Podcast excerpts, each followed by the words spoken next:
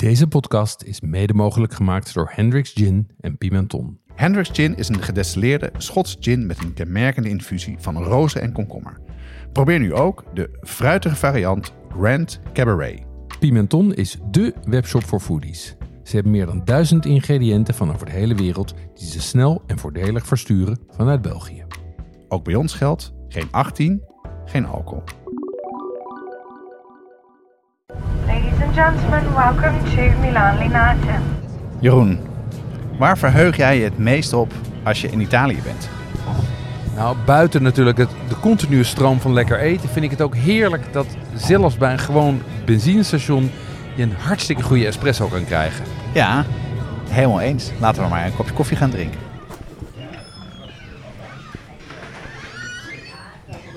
Un café e un cappuccino. Un caffè e un cappuccino. Grazie.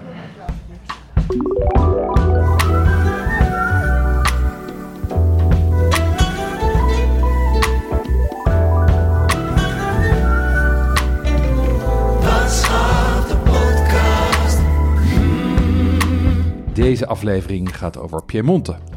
We gaan het hebben over de streek en de producten, waaronder de wereldberoemde truffels. Eh, natuurlijk gerechten en recepten. We, staan even stil bij de prachtige wijnen die ze hier hebben. En we hebben tips voor als je er zelf heen wil gaan. Maar we hebben gekozen voor Piemonte eh, als eerste Wat schaft de podcastreis, omdat het een fantastische streek is met heel erg veel unieke producten. Daarover zo meer. Het is vrij sterk in opkomst, maar nog vrij rustig. Het is heel goed bereikbaar met de auto of met het vliegtuig en prima te bezoeken. En ja, wij hadden de beste gids die je kunt wensen. En eh, voor het eerst in onze geschiedenis zitten wij ook op locatie. Dus we zitten in Piemonte. Eh, we zitten hier aan de keukentafel met een werkelijk verpletterend uitzicht over, eh, over de valleien hier. Met in de verte het gebergte en de bladeren die langzaam van kleur beginnen te veranderen. We zitten hier vol in de herfst en het is echt adembenemende schoonheid. Um, en we zitten aan de keukentafel bij Rick Rensen in Rocco Verano. Rick was uh, in de jaren 80 correspondent in Rome voor NRC Radio 1 en de Wereldomroep. Hij heeft al uh, 15 jaar een huis in Zuid-Piemonte. Um, hij schreef maandelijks een column in Italië Magazine en heeft een aantal reisgidsen geschreven over Piemonte. Piemonte, blah, tongtwister. Maar het belangrijkste is, hij is luisteraar en lid van de brigade. En Rick, wat een, uh, wat een genoegen en een eer om hier bij jou aan de keukentafel te mogen zitten. Ja, voor mij ook een eer. Dankjewel. Fijn dat jullie hier zijn. Ik uh, kwam hier inderdaad 15 jaar geleden en toen was het nog heel erg rustig. Ik denk dat we een van uh, de eerste waren. Je hebt natuurlijk altijd een klein groepje dat vooraf gaat, maar daarna kwamen wij. Huis helemaal gerestaureerd, helemaal gestript. En je ziet nu langzamerhand steeds meer mensen de oversteek over de Alpen maken. Het zij met het vliegtuig, het zij met de auto, soms met de trein, zoals onze zoon die niet wil vliegen. Mhm. Mm -hmm. En uh, ja, het is een prachtige streek, ik kan niet anders zeggen. Heel veel mogelijkheden. Um, ja, van de Po-vlakte, uh, waar de risotto wordt gemaakt, tot en met de zuidelijke heuvels waar we nu zijn. Je hebt de Gran Paradiso in het noorden, met daar vlakbij ook uh, de prachtige stad Turijn. En je hebt natuurlijk het skigebied uh, rond Cuneo. Ik noem het altijd deze regio het best bewaarde geheim van uh, Italië. Iedereen scheurt er altijd doorheen. Ja. Dwars door die Po-vlakte in de richting van uh, Florence, Rome, et cetera, et cetera. En daarom is die wat rustig. En ik hoop dat het ook een beetje rustig blijft. ja. Ja, we zitten dus in de Piemonte. Rick heeft eigenlijk al net al goed uitgelegd. Het is, een, het is de tweede provincie van, van Italië. Nou, noem het regio. Hè? De, regio. de regio's zijn we onderverdeeld in provincies. Ja. De tweede, Sicilië is de grootste. Ja, het is heel divers. Dus van, uh, van bergen tot heuvels tot meren. Um, en het is een super diverse streek waar je ook alle kanten op kan gaan. Je kan ook op bezoek bij in steden gaan. Maar ja, daar kwamen we niet voor. We kwamen hier vooral voor het eten en uh, de producten, hè Jeroens? Ja, en, en de producten hier zijn, uh, zijn fantastisch. We wisten natuurlijk al een aantal dingen. Maar als je kijkt wat hier aan rijkdom is, uh, van de, de risotto-rijst uit de uh, Po-vlakte tot het, het prachtige rundvlees van de Razza Piemontese. Um, boter, dit, we zitten hier nog echt in het hart van het botergebied. Heel veel ja, boter en, en, en zuivelproducten. Maar ook de wereldberoemde witte truffels. Uh, die, die wel haast magische geur hebben. Um, eekhoorntjesbrood. Ook mogelijk in, die, in dit seizoen. Mag ja. ik zeggen dat onze ijskast, uh, waar je wat truffels in hebt gelegd, als ik hem, als ik hem open doe. Ja, daar, komt een, daar komt een golf. Ja. Ja, We hoorden steeds wanneer de deur open ging. Ja. maar wat ik grappig vind, Jeroen, je had het net over rundvlees. En ehm, dat wist ik dus helemaal niet. Dat rundvlees heel erg eh, groot was in dit gebied. Ja, zeker. Ehm, ze hebben hier tot eh, op 100 meter afstand gestaan eh, in de stal. Hè, je hebt kalfsvlees, hoewel ook een groot deel van het kalfsvlees wat hier gebruikt wordt uit Nederland komt. Jammer genoeg. Echt waar, joh? Ja, Nou, dat is jammer. Ehm, maar eh, ja, je hebt hier, de, wat, eh, wat Jeroen al zei, de Razza Piemontese. Dat zijn die grijs-witte koeien die Ja. je buiten ziet staan. En eh, die worden heel veel gebruikt voor bijvoorbeeld een gerecht wat hier altijd op de menukaart staat. En dat is de carne cruda, hè, het rauwe vlees. En dat is Ja. battuta al coltello, dus dat is zeg maar gehakseld. Eh, of het wordt in plakjes gesneden en dan is die al, al bezig met een heerlijke olijfolie erop. Ja, En dan is het eh, een beetje zout, een beetje peper, een beetje citroen. En sommige, eh, zoals hier bijvoorbeeld in Olmo Gentile, een dorpje waar de burgemeester achter de pottenste en pannen staat, eh, die eh, doet er nog een heel klein beetje bleekselderij eh, ja. op. Oké. En dat smaakt ook heerlijk. Ja, en eigenlijk is het gewoon een tartaar, hè? Het is gewoon tartaar, Ja. ja, precies. Eh, maar het wordt, eh, het, het- het- ja, weet je, het, het wordt heel simpel, heel basic wordt het, eh, wordt het aangemaakt. Ja. En een verrukking. Ja.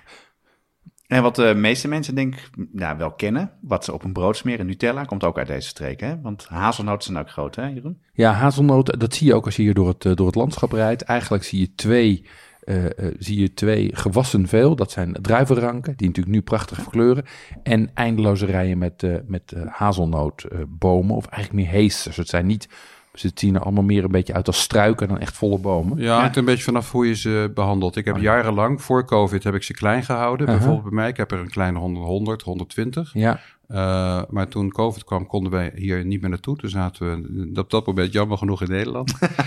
Eh, alles ging dicht. Ehm, en ze zijn nu wat uit hun, eh, uit hun voegen gegroeid. Oh ja, ja, ja. Maar ze brengen daardoor eh, ook een geweldige oogst op. Dat is, ja, ze worden heel veel gebruikt. Heel veel gebruikt. Voor de Nutella, maar ook voor de torta di nocciole. Een heerlijk taartje wat je als dolce kunt, kunt eten. En, eh, en het zijn de beste hazelnoten van de wereld, wordt wel Ja. eens gezegd. Nou, jij vertelde dat ze, dat ze de flink gestimuleerd worden om eh, Italiaanse hazelnoten te Ja, maken hè, en niet te importeren. Ja, er kwamen er heel veel uit Turkije. En op de een of andere reden is dat wat stopgezet. En verder zie je ook wel dat de regio stimuleert met geld eh, om lokale producten te maken. Ja. Dat geldt zowel voor de noten als wel, hè, we waren gisteren, ik verklap alvast wat bij een kaasboertje. En die werkt ook met de Europese subsidie om prachtige kazen te maken. En wat voor een kaas was dat dan? Wat, eh, Dat was een Robiola. Daar Ja. staat eh, Roccaverano, de eh, gemeente waar, waar, ik, waar wij wonen. Mijn vrouw Connie eh, en ik. En eh, ja, Robiola is een geitenkaasje. eh, wat vrij jong wordt gegeten. Eh, maar wat, als je het wat langer laat liggen, dan is het eh più stagionata. Ja. En dan is het wat ouder en dat is eh, heerlijk. Maar dat mocht niet, hè, van de kaas. Hij vond het niet goed, want dat kost hem te veel geld. Want die kaasjes die klinken in, zoals het eh, Ja. wordt gezegd. Dus dan eh, moet hij wel heel veel geitenmelk. En hij had maar 300 geiten. hè. Ja, ja. Dus eh, ja. En hoe eet men dat dan? Eh, Als je dat gewoon in het menu in, eh, is het, wordt het als eerste op tafel gezet? Of is het onderdeel van het toetje? Of hoe? Ze eten op verschillende manieren. Ze gebruiken het wel in de pasta. Hè, tajarin al robiola. Oh ja. Dat is heerlijk. Maar het wordt ook wel als dessert gegeten. Je eindigt met, eerst met kaas en dan met een dolce. En eh, ja, dan wordt er of een rode wijn bijgedronken, maar er wordt ook wel een zoete wijn een, een, eh, bijgedronken bij deze kaas. Omdat het zout en zoet is, wat, eh, wat heerlijk bij elkaar komt. Ja, we hebben het gegeten, hè, Jeroen? Wat, wat vond je ervan? Ja, ik vond het een hele lekkere, een hele lekkere geitenkaas. Als je hem vergelijkt met eh, de, de Franse geitenkaas, wat natuurlijk de vergelijk, de, hè, wat vaak toch de, de benchmark is, dan is hij iets minder rins, is hij wat, Ja. is hij wat zachter en ook wat minder stallig. Ehm, dus hij is wat, eh, wat subtieler en daarmee denk ik toegankelijker, maar wel heel eh, gelaagd. En, en zeker als je hem wat ouder krijgt, dan begint hij echt karakter te ontwikkelen. Ehm, wat ik ook interessant vind, eh, wat jij net zegt, Rick, is dat ze hem dan zeg maar op, net als de Fransen, zeg maar tussen het, tussen het, de secondi, tussen het hoofdgerecht en de dolce eten. En de Franse invloed hier is natuurlijk ook sterk, hè? De invloed van Frankrijk is hier enorm Ja. sterk. Zeker in de omgeving van, eh, van eh, Turijn. Als je iets naar boven gaat, daar heb je die hele kleine regio liggen. En die heet eh, Aosta. Turijn, Aosta ook heel erg bekend geworden door de boeken van Paolo Cognetti. zijn acht bergen, uh, miljoen van verkocht. Mhm. Niet alleen in Italië, maar het is in, uh, ik geloof, 13 of 15 talen vertaald. En dat speelt in die streek. Uh, daar wordt heel veel Frans nog gesproken. En Frans ja. is hier ook heel lang de voertaal geweest. En ook, zeg maar, de taal van het hof en ook de taal van de keuken. Ja.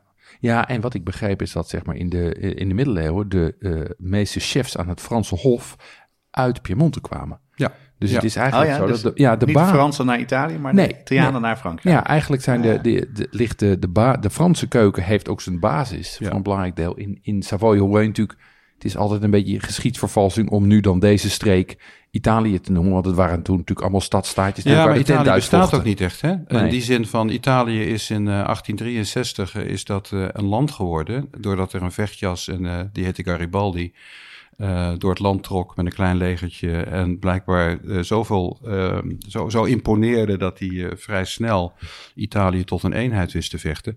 Maar het zijn natuurlijk allemaal stadstaatjes. We hebben, we hebben hier door het gebied gereden en ongeveer elk dorpje heeft hier een eigen verdedigingstoren. Ja, dat is prachtig om te zien, ja. En zeker in deze periode, als de mist s'morgens aan het blijft hangen, dan Ja. zie je eigenlijk alleen maar een, de top van een heuveltje met zo'n verdedigingstoren erop. Ja. Waar ze in de middeleeuwen allemaal inklommen op het moment dat de vijand op ze afkwam. Dus ja, dat zijn, uh, dat hele mooie dingen om te zien. Um, die Franse invloed is er nog steeds. Uh, dat zie je ook in de keuken. Hij, het is een bergachtige keuken. De Italiaanse keuken bestaat voor mij niet. Ik heb lang in Rome gewoond. Als correspondent daar gewerkt. En dat is toch een heel andere keuken. Dat is ook een, dat is een boerenkeuken, maar van andere soort. Als je in Zuid-Italië bent, heb je de cucina povera. Heel simpel, ook vanwege de kleine portemonnee. En de portemonnee is hier rijk gevuld in uh, Piemonte. Het is een van de rijkste regio's van uh, Italië, samen met Lombardije, waar Milaan ligt. En van Europa zelfs. En van Europa zelfs. Ja. Zeker als je ze bij elkaar optelt. Nou, Fiat komt hier vandaan, Olivetti. Uh, nou ja, hier is ook Nutella. de Nutella en de Italy. Veel mensen kennen Ja, die, denk ja, ik ook ja. wel. Een supermarkt, hè? voor de mensen die niet kennen, is het een supermarkt waar de streekproducten Ja. eh, zitten en waar je ontzettend, ja, een soort van super delicatesse. Ja, en heel succesvol. Zit er eentje ook in New York, in Ja. Tokio, in Italië verspreid Ja. die zich. eh, zeer aansprekend. Bij de, u- bijna eh, educatief te noemen. Ja. Hè? Kan je Eh, ook heel goed wijn proeven, heb ik ooit een keer gedaan. Precies. Ja, dus die Franse keuken, ook die sauzen, de bergachtige keuken, die geldt echt ook voor Piemonte. En naarmate het kouder wordt, zie je ook de bergachtige elementen, zie je, ja, zie je steeds meer terugkomen. Oh, echt waar? Dus je ziet dus naarmate het seizoen verandert, Ja. verandert ook de keuken. Ja, dan krijg je bijvoorbeeld crespelle. eh, dat zijn pannenkoekjes eh, met een vulling. En daar gaat dan een fontina, gesmolten fontina kaasje overheen. Eh, of je krijgt een heel klein taartje van courgette. en daar gaat dan ook een, een kaasje overheen. Dat kan robiola, maar het kan ook fontina zijn.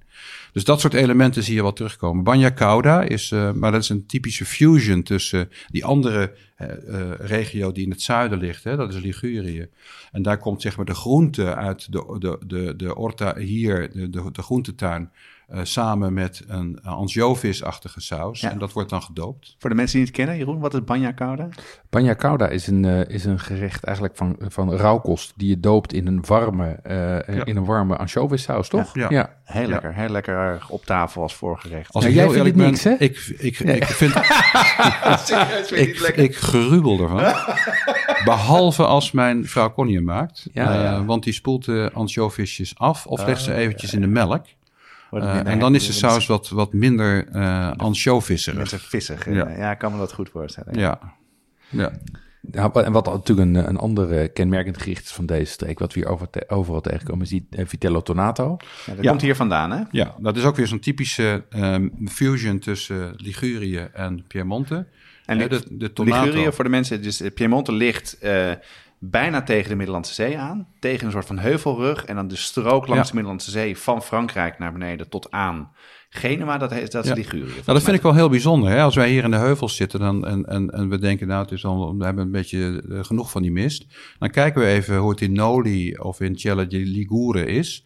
En dan rijden we daar naartoe en dan kan je zo aan het strand zitten. Dat is wel grappig. En daar kan je de visgerechten krijgen die je in Piemonte eigenlijk niet of nauwelijks kan krijgen. Maf, hè? Terwijl het zo vlakbij is. Het ligt vlakbij, maar de invloed van die beide keukens, hè, daar groeien ook citroenbomen. eh, je kan er, de Tagliasca-olijf wordt daar eh, ge- eh, ge- gekweekt, verbouwd moet ik zeggen. En daar wordt een heerlijke olijfolie van gemaakt. Ja. Dus die invloed over en weer, Die is al eeuwen zo. Eh, en die zie je terug in de gerechten, zoals inderdaad een Vitello Tonato. Ja, ik was, voor mij is die Vitello Tonato stond bij mij op het lijstje van dingen die ik niet lekker vond. Serieus? Eh, ja, nee, ik, ik, ook omdat ik hem heel vaak heel slecht heb gehad. Heel droog En- kan die zijn. Hè? Ja, of heel droog, of dat je een soort van rosbief krijgt, een soort van natte, Ja. dunne lapjes. Ja, het enorme Eh, saus erover. Met een enorme klets saus. En wat ik hier heel lekker vond, het eerste restaurant waar we waren, kregen we het al meteen. En ik geloof dat we het sindsdien op alle menukaarten hebben zien Ja. staan. Wat ze daar hadden gedaan, was ze hadden de, eh, eh, de, het, het kalf hadden ze gekookt. Ehm, maar zo dat het precies rosé was, niet te roze. Want dan krijg je dat rosbiefachtige, dat natte, maar nog redelijk droog. Niet al te dunne plakken gesneden, ik denk een halve centimeter, dus dat je wel een beetje een bite had.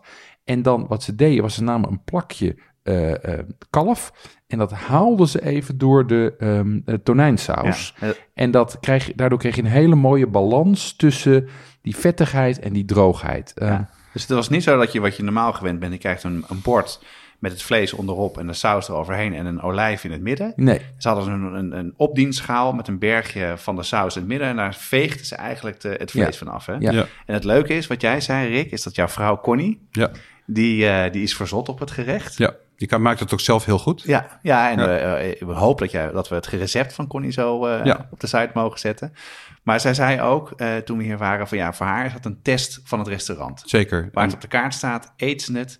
En dan is voor haar een soort van test, is het een goed restaurant of niet? Toch? Dat klopt. Nou ja, zij gaat zelfs zover dat eh, als het een slechte Vitello Tonato is, ehm, reken dan daarna af. of niet, ren gewoon weg. Of rij gewoon weg. Maar ja, dat kan je ook weer doen. Eh, en ga naar een ander restaurant om de maaltijd voor te ja, zetten. en dat weet ze, hè? Ja, dat mensen. Ja, ja, ja. Ja, zeker. Nee, we gaan dit recept zeker op de site zetten, want het is... eh, ik, ik vind het tijd voor een revival van de Vitello Tonato. Ja, in nou, ieder geval in Huizen Douce. Maar wat jij zei, die bite en, en niet die overvloed van saus, dat was echt een openbaring. Absoluut. Dus het recept van Connie komt op de site. Dus dankjewel Connie daarvoor. Bij de inleiding noemden we hem al even, de truffels. En laten wij eens even gaan luisteren hoe wij daar eh, de afgelopen dagen mee kennis hebben gemaakt. Nou, we hebben hier nu een zaakje in en er liggen wat theedoeken opgeknoopt. En daarin zit het witte goud. E lei è anche un tartufaio. Ja, we staan nu binnen bij eh, Antigua Bottega del Tartufo. Eh, een van de kleine zaken hier die sterk ruikt naar eh, truffels. En op de toonbank ligt een theedoek. En ik schat dat daar een 40, 50 truffels van nou tussen de 20 en de 60 gram liggen. Het zijn hele onogelijke, het lijken klontjes klei voor de slechte verstaander. Maar dit is dus het witte goud. Ehm, en de eigenaar vertelt dat het dit jaar een heel lastig jaar is. Dat hebben we al vaker gehoord. Omdat, het, eh, niet vochten, omdat er te weinig regen is gevallen aan het eind van de zomer. En dat hebben de truffels nodig. Eh, maar desalniettemin liggen er hier, eh, liggen er hier een, eh, een groot aantal. En we gaan eens even kijken of we er een paar leuke op de kop kunnen tikken. Quanto costano questi? 4.000 al chilo. 4000. 4000 kilo. Een kilo. Dus wil je een kilo hebben? doe maar twee. Ja. De eigenaar legt zijn sigaar weg. En er wordt een eh, truffel uitgekozen. Die gaat op de weegschaal. Nou, het zijn er twee. En Jeroen kijkt. Oh, het worden er drie nu. Ok? Ja, oké. Senza problemi. Ma in Lerio questo va un, un, un, profumo. Spettacolo qua, uno spettacolo. Spettacolo. ik, ik spreek geen Italiaans, maar ik denk dat ze zei was dat het eh, fantastisch eh, ruikt. Vi ringrazio molto. Grazie. Alla prossima. Alla prossima. Grazie. Grazie. Ciao. Ciao, grazie. Zo, geslaagd Jeroen. Ja, dat moet nog blijken of je thuis, eh, thuis gaan we erachter komen. Of we een klontje klei hebben gekocht of... eh, Nou, zo rook het niet. nee, zo rook het niet. Nou, we zijn nu ergens midden in de bergen en we hebben net eh, veel truffels gezien. En nu gaan we ze eten, toch Jeroen? Ja, we zijn aangekomen bij Trattoria della Posta da Camulin. En eh, onze gast hier staat hier ook al, Rick. Buongiorno. Buongiorno. Tutto bene? Tutto bene. Sono felice che tu hai trovato tutto. ik heb geen idee wat hij zegt. Hij heeft vast gelijk. wat, eh, wat voor eh, restaurant is dit, Rick? Nou, dit is een eh, typisch eh plattelandsrestaurant, maar van zeg maar de hogere kwaliteit. Ehm, ik kom hier graag omdat eh, ik het een van, echt een van de beste restaurants vind met verse truffel. Dus sommige restaurants kan je nog wel eens genept worden. Bijvoorbeeld in Alba. Ja. Zijn ze oud of ze komen ergens anders vandaan. Maar hier krijg je echt de verse truffel die door de neef van eh, de oom van eh, de opa van de eigenaar zijn gevonden. Heel goed. Laten we naar binnen gaan. Ja, laten we dat doen. Dit is een typisch partisanendorp.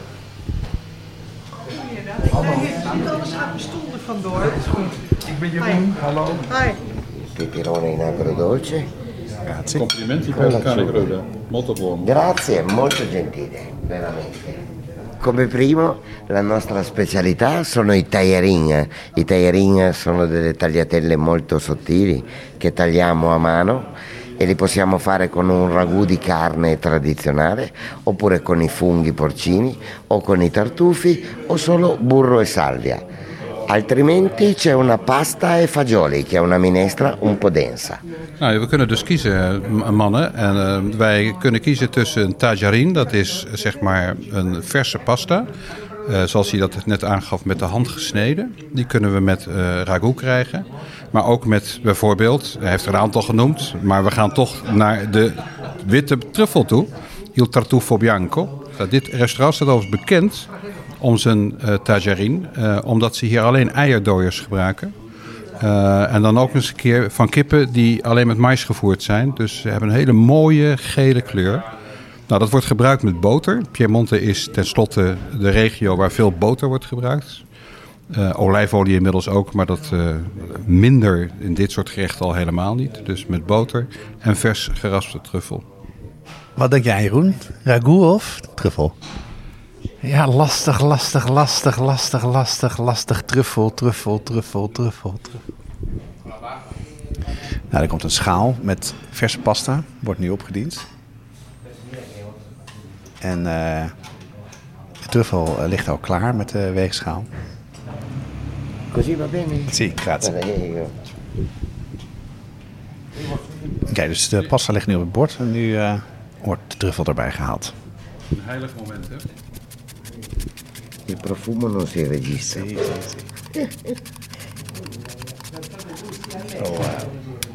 Oh jongens, dit ruikt zo, zo lekker. Echt niet normaal. Tre- er wordt een tweede ronde gedaan. Ja, er begint zich nu ook een, eh, een, een dikke geur van truffels eh, begint zich om de tafel heen te vormen. Eh, de meneer heeft net eh, eerst gewogen hoeveel de truffel woog. Nu heeft hij bij iedereen een royale berg truffels erop geschaafd. En vervolgens weegt hij nog een keer om te kijken hoeveel wij hebben eh, genomen. Normaal gesproken gaat een familielid met een van die truffelhondjes op pad. En gaat op truffeljacht. En nu moet hij ze, zeg maar, zeker als restaurateur, moet hij ze overal vandaan halen. Maar hij weet in ieder geval zeker, de kwaliteit is goed. En hij is buitengewoon blij. Bella Figura heeft hij, ge- heeft hij eh, naar ons getoond. eh, dat hij zijn beste truffel voor ons heeft geschaafd. Mi fa molto piacere. Grazie. Tante belle cose. Grazie. Grazie. Buona giornata e buon Ciao. weekend. Grazie. Ciao. Ciao. Oh, aspetti. Perfetto. Grazie.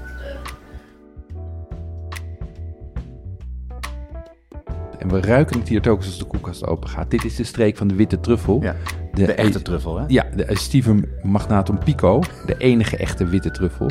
Ehm, Jonas, dit was voor jou de eerste keer dat je witte truffel had, hè? Wat vond had- je daarvan? Ja, ik, ja, we hadden het daarover en ik heb wel vaker truffel gegeten. En toen dacht ik van ja, heb ik de truffel? Want deze truffel komt vanaf nu tot en met januari is hij te vinden. Hè? Dus eh, truffels komen uit de grond.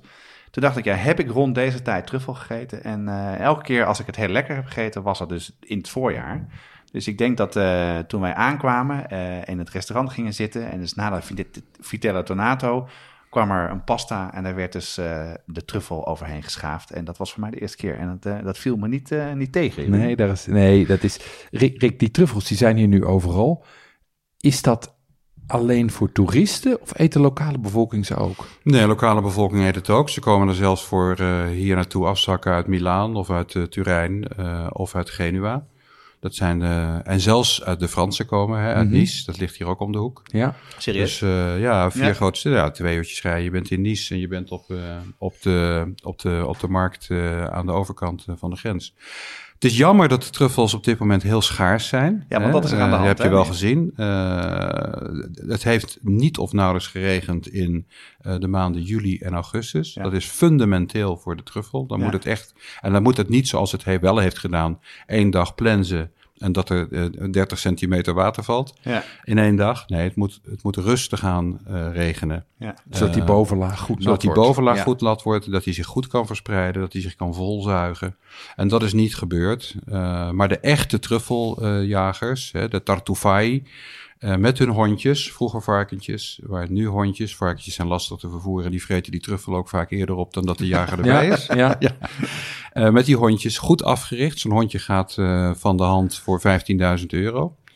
Eh, dus dat wil wel wat zeggen. Ja. Ehm, en heel veel boeren die eh, leven daar voor een deel ook van. Van de Eh, truffels. van truffels, want die gaan ze zoeken en verkopen ze dan weer aan restaurants. En krijgen daar op dit moment de topprijs. Je hebt het in Alba gezien. dat- Wat zelfs als stad een beetje ruikt naar de truffel. Ja, ja, ja. Ehm, ja, op dit moment eh 7000 euro voor een kilootje. Ja, dat is niet normaal, hè? En is dat... eh, wat is het normaal als, als het een normaal jaar is? Als het een normaal jaar is, dan denk ik dat je praat zo ongeveer, wat ik wel heb meegemaakt, 3000, 3500 uitschietertjes naar 4000 per kilo. Het blijft, dan- het blijft het witte goud, hè, natuurlijk wel. Dus, eh, en het is niet makkelijk te vinden. Ik heb een aantal truffelzoektochten meegemaakt. Nou, je ziet ook hier het gebied waar we op uitkijken. Hè, dat Heel hele dal, eh, daar zitten echt veel truffels. Maar dan zelfs als je mee mag met zo'n... eh, dan moet je een eet zweren dat je nooit vertelt Ja. eh, waar je ze gevonden hebt. En dan nog, dan vindt hij wat kleine truffeltjes. En dan zegt hij, blijf hier even staan. Ik moet eventjes een plas doen. En dan gaat hij met zijn hondje een stukje lopen. En dan komt hij terug met een knoert van een truffel. Wat een toeval. Die heeft hij dan net gevonden hij terwijl jij er niet bij was. Ja. Het is zo gek, hè? Ja. Ja. Hey, en, en het heeft, eh, dit gaat dus om grote bedragen en Ja. ook om grote belangen. Ja. Merk jij daar iets van? In, in hoe, laat ik zeggen, mensen met elkaar omgaan of truffelhonden? Eh, of... Het kan een venijnige business zijn. Ja. Laat ik het zo zeggen. Eh, wij hebben twee prachtige honden. Het Ja. zijn labradors. Die worden veel gebruikt voor de truffel. En wij houden ze in deze tijd bij ons. Eh, want als iemand er ook maar lucht van krijgt... eh, dat het truffelhonden zouden zijn... en dan, dat zijn het helemaal niet, maar die kan je erin vergissen. Laat ik het zo zeggen... Eh, een van onze buurmannen hier uit de buurt... die vond zijn hond op een dag dood. Die was vergiftigd. Echt waar? Ja, en Ja. dat kan gebeuren.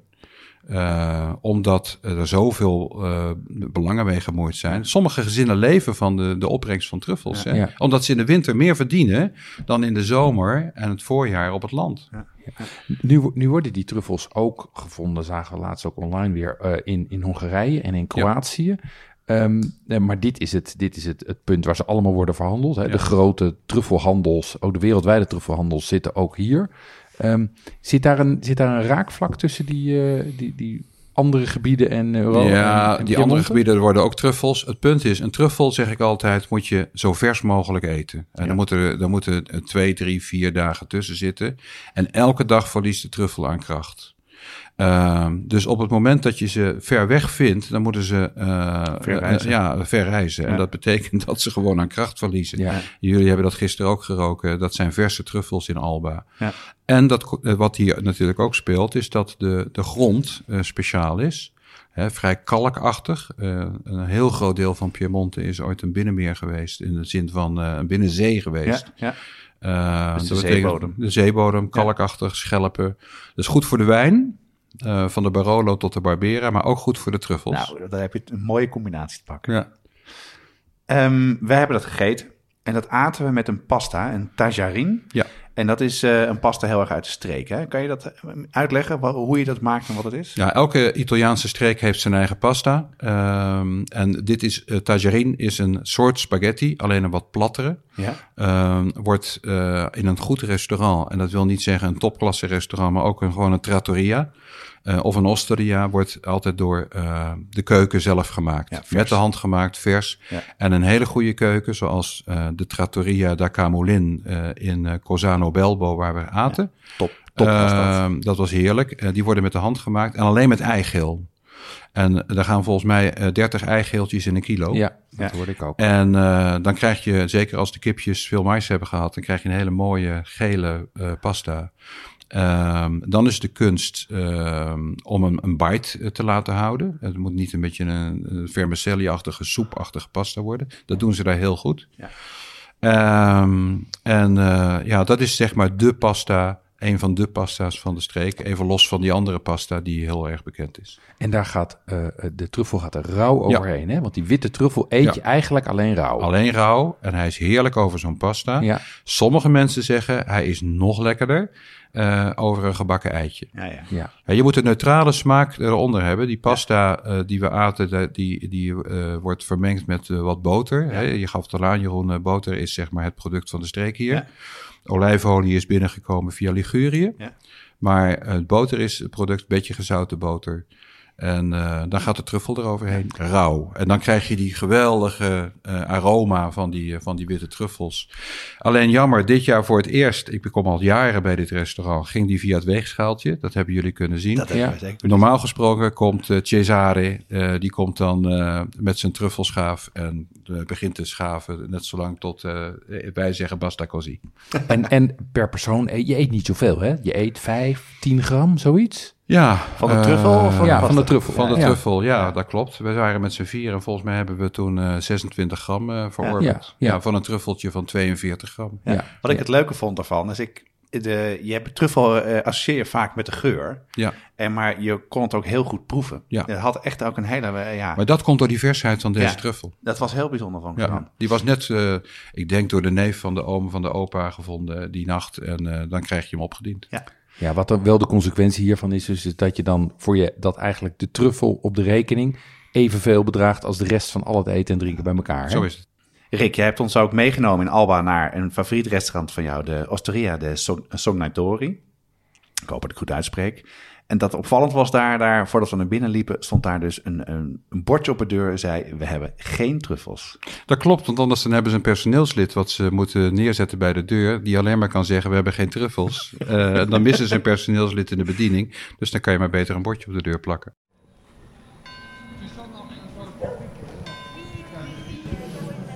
Nou, het is tijd om te lunchen. Het is altijd een goed moment. En eh, we zitten nu in een, eh, nou, een tip van Rick. En eh, hoe heet het hier, Jeroen? Signatori, dromers. Jeroen heeft een menukaart in zijn hand. Eh, is het de menu van het eten of van de wijn? Eh, Ik begin met de wijn. eh. en, en wat dat eten is waarschijnlijk weinig keuze. Allora, consiste nell'assaggio di carne cruda, roast beef, insalata russa e peperoni con acciuga. Wij eten eh, gehakseld vlees, roastbeef, een eh, insalata russa. Dat lijkt een beetje op uh, huzarensalade, precies. En we hebben paprika met wat anchovies. An- Als ik in Alba ben, dan kom ik hier heel graag. Dit is zeg maar een restaurant voor wijnkopers, wijninkopers, wijnproducenten. Ze betalen hier vaak kurkgeld. Dan nemen ze hun eigen wijnen mee, want die moeten ze testen. Ehm, dus dan is het altijd heel leuk. Ik weet niet of ze vandaag komen, maar ze zijn er wel heel vaak. Het is een studentenachtig café, wat je in Nederland een bruin café noemt. en heb je eh, al iets eh, lekkere wijn gezien?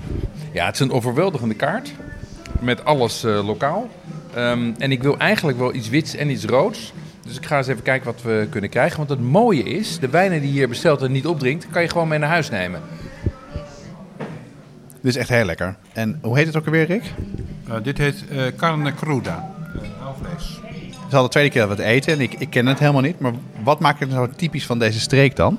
Nou, het wordt van lokale koeien gemaakt. Dat is- zijn koeien van het Razza Piemontese, zoals het heet. We zijn er vanmorgen langs gereden. Dat zijn die grijs-witte koeien.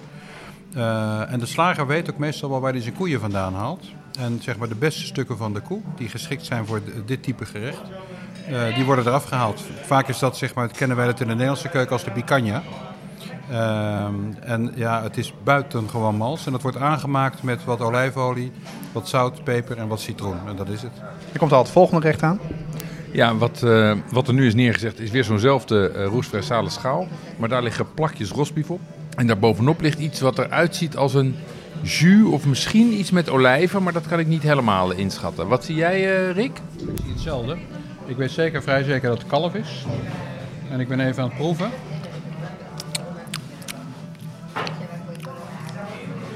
Ja, er zit olijf in. I stacchiate because sono plate with Grazie mille.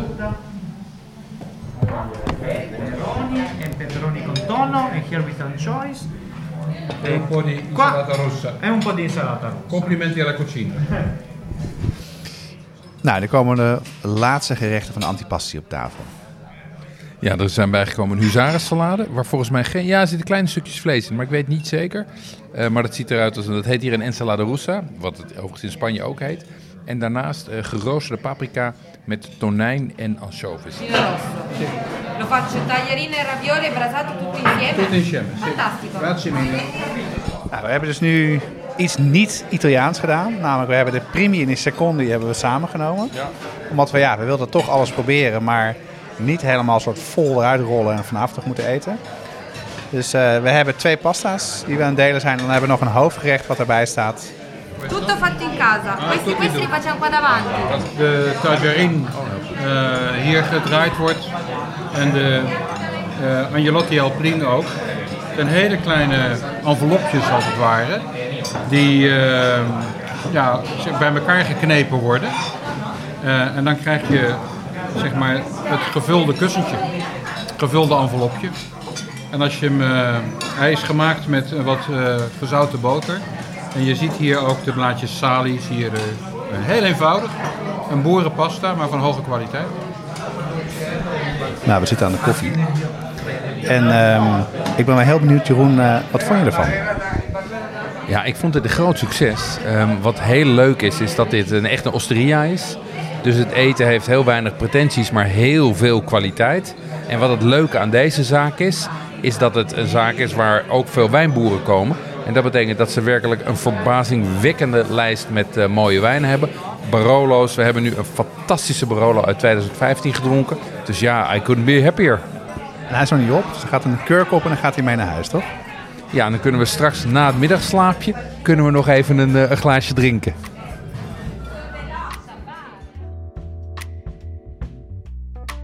Ja, de opbouw hier is natuurlijk een traditionele Italiaanse opbouw. Dus je begint met antipasti, dan primi, dan secondi en dan dulce. De antipasti hier, we hebben ze al even genoemd. Carne cruda is een belangrijke. eh, vitello tonato. ehm, eh, maar ook eh, pepperoni con anciughe. Ja, en een beetje tonijn er doorheen gisteren. Ja, ja, dat en dat, zijn, dat is feitelijk... En we hadden natuurlijk ro- roast beef eh, met wat gekarameliseerde uitjes. Ook een hele lekkere. Insalata russa wordt Ja. hier ook heel veel gegeten als voorgerecht.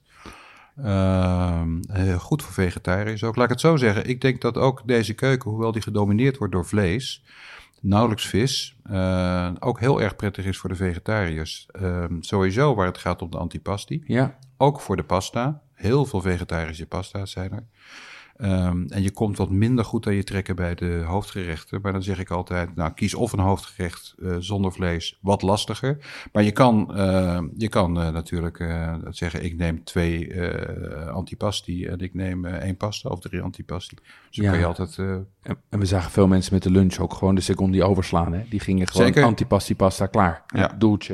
Zijn er nog andere kenmerkende gerechten uit de streek die, die je hier veel eet? Eh, als je kijkt naar de zondag, ik raad iedereen aan die de reis ooit eens onderneemt naar deze mooie, mooie regio om vooral eh, op het platteland een reservering te maken in een plattelandsrestaurant op de zondagmiddag. Ja. Nou, dan begin je, sommigen beginnen al om 12 uur, maar wij dan meestal om 1 uur. En ja, je komt dan rond een uur of vijf eh, van tafel af.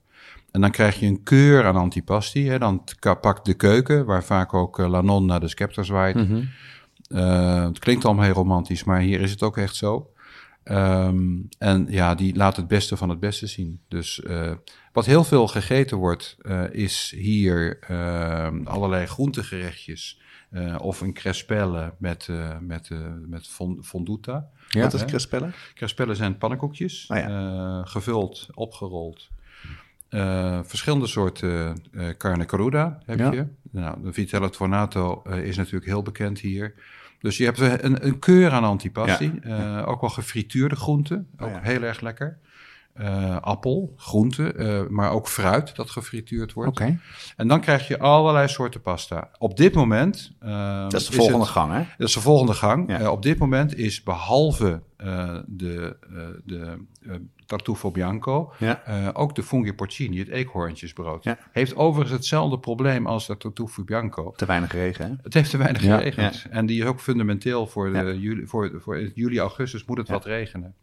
Maar die is heel kenmerkend van de streek, hè? Funghi De- porcini, zeker ook hier, maar ook wel in andere delen van Italië. Ik denk aan eh Umbrië.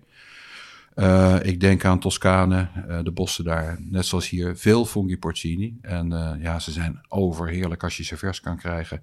Overigens, ze worden niet alleen door de pasta vermengd. We hebben ook wel bijvoorbeeld in Due Lanterne, een restaurant in Nizza Monferrato, hebben we hem ook wel als een soort biefstuk gekregen. Dus ze hebben een grote paddenstoel, die snijden ze in plakken.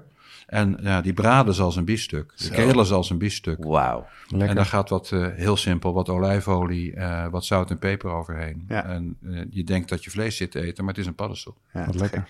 Ik zag net ehm, eh, eh, in, in het restaurant waar we zaten, hadden we ook die, die kleine, eh, die agnolotti. Wat is dat voor gerecht? Agnolotti alpline noemen ze hier. Pasta, hè? Dat is een pasta gerecht. Eh agnolotti alpline. Eh, als ik het heel... Het is een restverwerking eh, eigenlijk. Je hebt eh, wat vlees gegeten, wat rundvlees. eh, je hebt nog wat groente over. Ehm, zoals in de Indonesische keuken... eh, waar jij ook wat vanaf weet, Jeroen. En jij ongetwijfeld ook, Jonas. Nou, minder dan jullie. aan rest, restverwerking doen door er een nasi goreng van te Ja, maken de ja. volgende dag. Maken ze er hier Agnolotti alpline, of Agnolotti, maar hier alpline. Dat betekent dat je zeg maar een soort een lasagnevel, daar doe je kleine mopjes en dan vouw je het dubbel. Ja, Eh, dan met zo'n kartelmesje eh, rol je het eventjes eh, apart. En dan met je vinger, plien is knijpen, ja. knijp je ze als het ware bij elkaar. En dan wordt die vulling, nou, die bolt dan op. En dan krijg je als het ware een soort envelopje.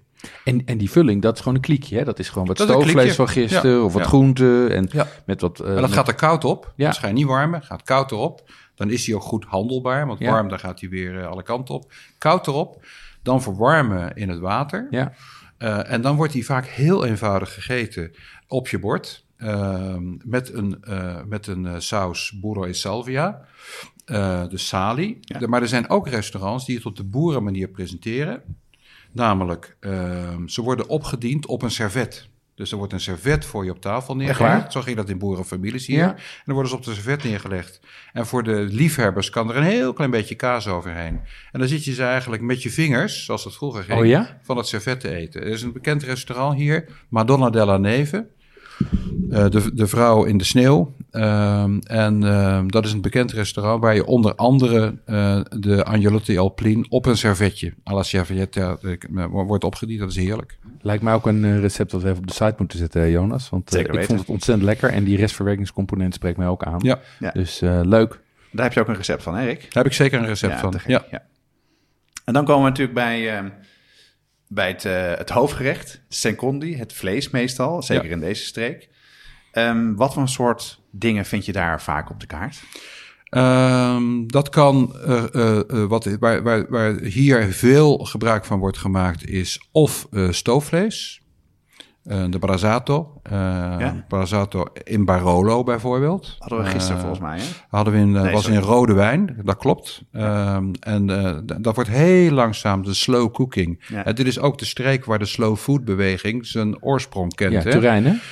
In eh, Bra. Oh, ja. Ehm, en ehm, daar is die beweging ontstaan. Toen ik nog correspondent was voor eh, NRC Handelsblad, onder andere in Italië, toen heb ik hem zien ontstaan op de Piazza di Spagna, waar ze een protestmanifestatie hadden door te koken. Eh, voor de McDonald's die daar werd geopend. Oh ja, ja, Kijk, ken- Dat wilden ze niet. Nee. McDonald's kan helemaal niet. Dus dat was volgens mij 1987. En volgens mij is die één of twee jaar daarna is die hele stoofvoetbeweging ontstaan. Ja. En eh, het restaurant waar al die, eh, ik noem ze altijd de opvolgers van de partizanen, die Ja. hier ook nogal, hè, dat waren oude communisten waren dat. Alleen dat waren communisten, die moeten natuurlijk toch een beetje ook kun- lekker kunnen eten. Dus die dachten, nou, daar gaan we ons daarin specialiseren. En daar is toen die beweging ontstaan. En ja, dat zie je ook in die keuken nog terug. Dus die brasato, die eh, wordt heel langzaam gestoofd. Eh, onderdeel ook van die slo- dat slow food concept. Ja. Je kan ook een vers stuk vlees krijgen natuurlijk. En dan krijg je een filetto.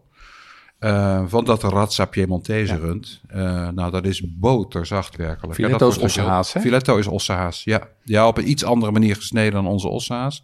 Eh, want het, de koe wordt hier echt op een andere manier gesneden, Ja. geportioneerd dan, eh, dan ik in Nederland gewend ben. Daar moet je wel eventjes in verdiepen. Ja. Eh, want dan soms dan denk je van, ik wil een, een steak maken en dan kan je hem niet vinden. Ja. Soms moet je ook aan de slager vragen, snijd het vlees zus en zo, Ja. want Met zo je- wil ik het graag hebben. Met je beste Italiaans. Ja, precies. nou, soms ga je ook gewoon mee naar achter. En, eh maar Oh ja. je, je ziet ook heel veel vitrines waar het vlees gewoon eh, niet ligt. Hè? De, de slagers zoals ik zie herken waar ik het vlees ga halen, heeft vrijwel lege vitrines. De enige wat er vaak in ligt is de worst. Ook vaak een restproduct, maar heerlijk. Ehm, en ter plekke gaat zo'n slager de koelcel in en snijdt voor jou dat stuk vlees af wat je wil hebben. Ja. Ja, dat kost altijd lange tijd. Ehm, maar slagers die willen gewoon dat je een beetje praat met de andere mensen in de zaak. En dan worden de dorpsschobbels worden dan een beetje uitgewisseld. Ja, maar wat natuurlijk een belangrijk verschil is met veel slagers in Nederland, is dat deze jongens ook echt vaak zelf slachten Ja. en zelf uitsnijden. Hè? Dus Ja. die hebben ook gewoon zo'n heel beest hangen en kunnen dan. Nou ja, ik kan je zeggen dat, eh, dat is helemaal waar. Ehm, eh, ik heb het ook wel meegemaakt dat eh, de- de- veel boeren, die, en dat, die ken ik nogal wat, ehm, die begeleiden hun rund ook naar de slachterij toe. Om het, de, het rund zo min mogelijk stress eh, te geven. En blijven tot het laatste moment eh, bij die beesten. Ja. Eh, wat ik heel opvallend vind. Ja. En dan pakt de slager het over en die snijdt uit op het moment wordt uitgebracht. Hele korte keten dus. Ja, een hele korte keten en een traceerbare keten, want dat heb ik ook wel gedaan. Op het bonnetje bij heel veel goede slagers zie je wie de koe was, hoe die heette, wanneer die was geboren, wanneer die is geslacht. Eh, en, van wie, en wie de eigenaar was. Dus, en ik heb dat al een, een paar keer gedaan, ook voor... Nagezocht. voor- nagezocht, gewoon die keten terug. En Ja, dan kwam en? ik bij die boer uit. En nou, dat Ja, klopte gewoon. Dat klopt, ja, mooi Ja. zeg, ja. Nou, dat is het, eh, dat is het eh, in Italië het hoofdgerecht, hè? En, ehm, en dan hebben we als laatste hebben we de desserts, de dolce. Vaak komt er nog een kaasje als je wil eh, aan vooraf. Waar we het net Eh, over hadden. zoals eh, de, de robiola. Ja. Daar ben ik wel gek op. Met een heerlijk glaasje rode wijn. En dan krijg je de robiola in de verschillende rijpingsprocessen. Dan Ja. krijg je een stuk of vier, vijf. Oh ja, dus je krijgt dus hetzelfde kaas, maar dan eh, meerdere met tijd ertussen. Dan, kan je ook proeven hoe die zich ontwikkelt als hij langer gelegen ja. heeft. En je kan zelfs robiola kopen, maar die kan, zijn niet te eten. Om uh, noemen ze dat hier. eh, om eh, te, Te raspen rapsen. boven, eh, boven een pasta bijvoorbeeld. Of lekker over geroosterde groenten. Ja. Prima. Ja, en, dan- en dan kom je daarna inderdaad, eh, je gaf het al even aan bij de dolce. Ehm, en daar heb je heel veel verschillende soorten van. Eh, een van de populaire hier, eh, die noemen we ook wel de drol van de paus. Partisanen noemen Ja, dat zo. ja, ja, ja. En eh, die wordt hier ook in een restaurant eh, dichtbij gemaakt. eh, in in Olmo Gentile, Ja. eh, La Posta. Ehm, en als we dan bellen, ze weten dat we er gek op zijn, dan zijn ze in staat om, als we vroeg genoeg bellen, om nog een keer voor ons te maken. Soms krijgen we hem dan ook wel mee. Ja, en, en wat is En wat zit er in de drol van Nou, de paus? De Ja. drol van de paus, daar zitten biscuitjes in. eh, en, en soms ook wel wat hazelnoten. Ook een van de gerechten van de streek. Eh, eh, en chocola. Eh, dat wordt opgerold tot een, eh, ja, tot een drol. Eh, en die wordt dan vervolgens en soms een beetje semi-freddo. en wordt dan eventjes in de vriezer gelegd tot die, dan is hij goed snijdbaar. En dan wordt die opgediend. Dat is Ah, echt heel erg lekker. Maar dat zijn allemaal dolce die eigenlijk kleine snoepjes zijn. Het zijn minder grote puddingen en dat soort dingen. Nou toch? ja, denk bijvoorbeeld aan uh, Batje di Dama, Ja. eh, de vrouwenkusjes. Ehm, Koekjes ja, zijn dat, hè? Dat zijn koekjes waar, Ja. waar een, een klein vullingje tussen zit. Een hele bekende ook, dat zal je dus aanspreken, eh, Jeroen. Ehm, de uh, Brutti Mabuoni. Ja. Uh, die kan je ook opgediend krijgen. Wordt van uh, eiwit gemaakt. Ja. Uh, wat, ja, die bakkers dachten ook, ik gebruik dat eigeel voor onder andere de pasta of voor allerlei andere gerechten. Wat moet ik met dat eiwit? Dus daar, daar zo zijn die Brutti Mabuoni ontstaan. Uh, wat een hele bekende is, is ook uh, de bounet. Uh, hebben jullie niet gegeten, maar er is altijd een volgende keer. Um, Zeker weten. Panna cotta ja. uh, is een hele bekende. Uh, net zoals voor ons uh, de Vitello Tornato belangrijk is om de kwaliteit van een restaurant te kunnen ja. beoordelen, is dat met de panna cotta ook. Ja. ja. Uh, ja, dat, dat zijn uh, heerlijke gerechten. Verder heb je allemaal semi-freddi met nocciole, ja. met nou, noem het maar op. Lekker. Um, met, een koe, met, een, met een dessert zou je bijna je hele maaltijd kunnen doen als je een zoete kou bent. De, over, eh, jij noemt al een aantal restaurants hier in de omgeving. Ja. Ehm, het viel ons dat die restaurants verschillende namen hebben. Ja. Ehm, eh, hoe, zit daar een systeem in? Is, of is dat gewoon willekeurig gekozen? Ehm, nee, dat is niet willekeurig gekozen. Maar eh, laat ik het zo zeggen. De, oster, de osteria is, eh, de osteria is een, eh, zeg maar, dat staat eh, helemaal onderaan in de, de keten. Ja, dan krijg je vaak de eh, trattoria. Ja. eh, en dan krijg je vaak de restauranten. Het punt is alleen dat er osteria's zijn die soms behoren tot de beste restaurants van de wereld. De allerbeste restaurants. De allerbeste restaurants van de wereld ligt niet in Piemonte, maar ligt in Modena. Ja. Eh, van eh, Massimo Bottura. Ja. Ja. ja, daar kan je inderdaad verrukkelijk eten. Alleen moet je dan wel even gaan sparen. eh, voordat je daar terecht komt. Want niet alleen het eten is goed en duur, maar ook de wijnen zijn behoorlijk En duur. op tijd bellen, denk ik. En op tijd bellen, ja, dat klopt. Eh, maar hier heb je ook hele goede restaurants. Ehm, en die heet inderdaad een Osteria Trattoria. Daar gaat onze voorkeur wel naar uit. Maar het systeem zoals dat vroeger gold, eh, Mhm. dat is een beetje verwaterd. wat, hoe, wat was het systeem vroeger? Nou, het systeem was dat eh, de osteria, dat was vaak de, de plattelandskeuken waar eh, moeder samen met haar moeder, soms ook de dochter die dan weer een opleiding was, eh, geen eh, menukaart, heel vaak niet. Dus dan is het eten wat de pot schaft. Ja. Ja. En die pot is goed. Ja. Eh, en bestaat uit verschillende onderdelen. Je hebt hier ook het menu Lavoratori. Daar gaat veel, veel eh, dat is het werkmansmenu. Dan eet je voor 10, 11 euro. eh, eh, krijg je eh, wat wijn, een kwartje wijn, een kwart litertje. Je krijgt een eh, antipasto, je krijgt een pasta, je krijgt een hoofdgerecht, je krijgt een dolce en je krijgt een kopje koffie toe. Ja. Dat is het menu en ja, daar eten die werkmannen ja, die hier aan de, in, in, de velden werken, aan de weg werken. Maar die maken daar veel gebruik van. Toeristen ook steeds meer. Hè? In Frankrijk noemen ze dat ook wel, ook zo'n bekende term, de routier. Ja, heb je hier dus ook. Maar eh, bekend is, je eet maar wat de pot schaft. Eh, en als je iets anders wil, dan heb je pech. en dat geldt voor die osteria. En die trattoria, Trattoria heeft wel vaak wel een menukaart, Ja. eh, heeft vaak ook wel een goede wijnkaart.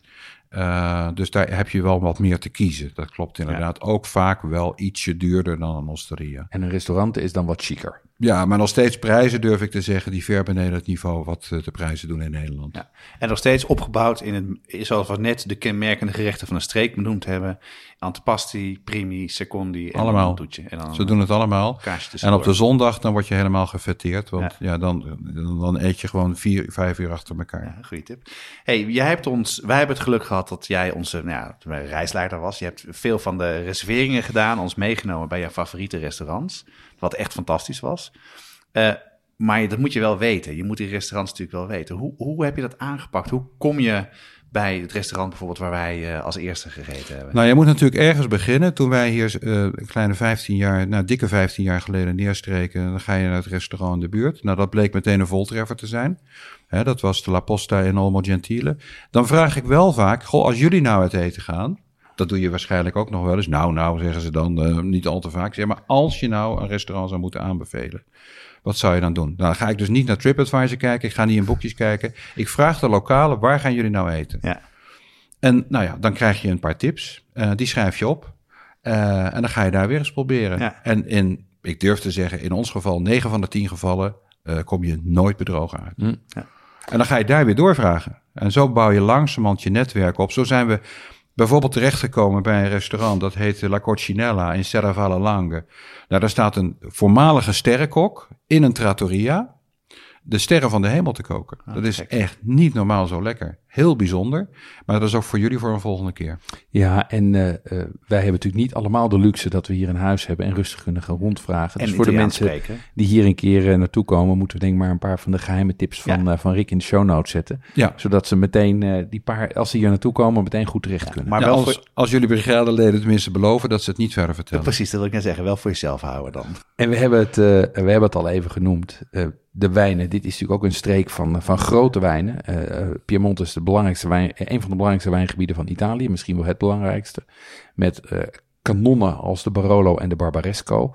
Ehm, dus eh, daar hebben we hier ook alvast van kunnen genieten. Is er nou een gemeenschappelijk kenmerk in die wijnen die hier eh, verbouwd worden, Jeroen? Ja, ik denk, dat er, ik denk dat er wel een rode lijn in zit. Het zijn allemaal wijnen die redelijk hoog op zuren zijn. betekent niet dat ze zuur zijn, maar wel dat ze vrij veel aanwezige zuur hebben. Je proeft die zuren Ja. erin. Ehm, ze worden eh, eh, traditioneel vooral gemaakt van lokale druiven. Dus je hebt de Nebbiolo en je hebt de, de, de Barbera. Dat zijn de, de, de wijnen waar heel veel, de druiven waar veel mee wordt gewerkt in rood. Ehm, en wat je ook ziet is dat het hele bewerkelijke wijngaarden zijn. En ook bewerkelijke wijnen. Wijnen die over het algemeen lang moeten liggen. En dus heb je ook, zijn het redelijk kostbare wijnen. Ja. Want ja, als je natuurlijk heel veel aan je, als het veel geld kost per hectare om het land te bewerken. ehm, en je lang op je wijn moet zitten, dan is dat kostbaar. Ehm, en wat mij ook opviel, is dat wat mij hier opvalt, en wat je bijvoorbeeld ook in de Bourgogne hebt, ehm, is dat er hele grote verschillen zijn in de jaren. Het ja, de jaren zijn door het klimaat en zie, zie je echt grote verschillen daarin. Dus Ja. het is wel de moeite waard om, dat zag ik bij Rick ook, als hij naar de wijnkaart keek, zeggen van ja, zitten hier de goede jaren tussen? Want het kan zijn dat je kiest voor een, laat ik zeggen, mindere wijn uit een beter jaar, die dan beter is dan een Barolo uit een slecht jaar. Ehm, dus dat is wat ik heb gezien. En wat ik op dit moment ook veel zie, in ieder geval de gesprekken met die wijnmakers, is dat er heel veel wordt geïnnoveerd. Je ziet ook echt dat dit een gebied in opkomst is. En dat zeker die, laat ik zeggen, iets minder bekende druiven, eh, bekende wijnen, die ruimte in de markt nemen om nieuwe dingen te gaan verzinnen. Met nieuwe technieken, met nieuwe druivencombinaties en zo. Ehm, maar ik ben ook heel benieuwd hoe, hoe Rick wat dat betreft die wijnindustrie zich hier heeft zien ontwikkelen. Ja, je hebt natuurlijk eh, de enorme deceptie die de Italiaanse wijnmaker heeft gehad. Dat is zeg maar vorige eeuw nog. Ja. En dat ze aan het eh sjoemelen waren met, eh, met die wijnen. Daarna heeft de, eh, eh, hebben de wijnboeren zich echt herpakt. Eh, de wetgeving is veel strenger geworden. Hè. Je hebt de DOC, Denominazione di Origine Controllata. En soms ook de G daarachter, E Garantita. Ehm, dus het is heel streng. Ehm, mensen zijn ook hier, net zoals in Toscane of in eh, Lombardije, eh, heel chauvinistisch. Hè? Piemontesers zeggen vaak, eh, als ik een Toscaanse wijn drink, eh, dan krijg ik hoofdpijn. En die pasta eten ze ook niet, toch? Nee, die pasta eten ze natuurlijk ook niet. oma maakt het anders, Ehm, ze moeder. zijn stuk voor stuk ongelooflijk trots op Ja. datgene wat ze maken. Wij aten een keer ehm, in een eh, restaurant eh, en toen zei, vroeg ik aan de restaurateur van, eh, zou ik een, met een witte wijn mogen beginnen? Hij zei, witte wijn heb ik niet. Ik vroeg, en, en, en waarom niet? Hij zei, nou, Piemonte is een, is een regio voor rode wijn en witte wijn, ja, dat ga ik niet doen. Nee, beginnen Eh, we niet dat wordt aan. helemaal niet. Gekkigheid. Gewoon gekkigheid, Ja. gewoon rode wijn. Ja. Ehm, en wat ik zie is dat vooral de Barbera heel erg in opkomst is. Daar worden prachtige producten van gemaakt. Eh, zoals ja, jullie hebben mogen proeven in de Borgo Isolabelle della Croce. eh, in handen van een eh, advocatenfamilie uit Milaan. Twintig jaar geleden, 21 jaar geleden om precies te zijn, van start gegaan. De eerste vijf jaar de wijn naar de coöperativa gebracht, omdat ze hem niet goed genoeg vonden. Ja, en nu zijn ze met heel veel verschillende wijnen aan de slag.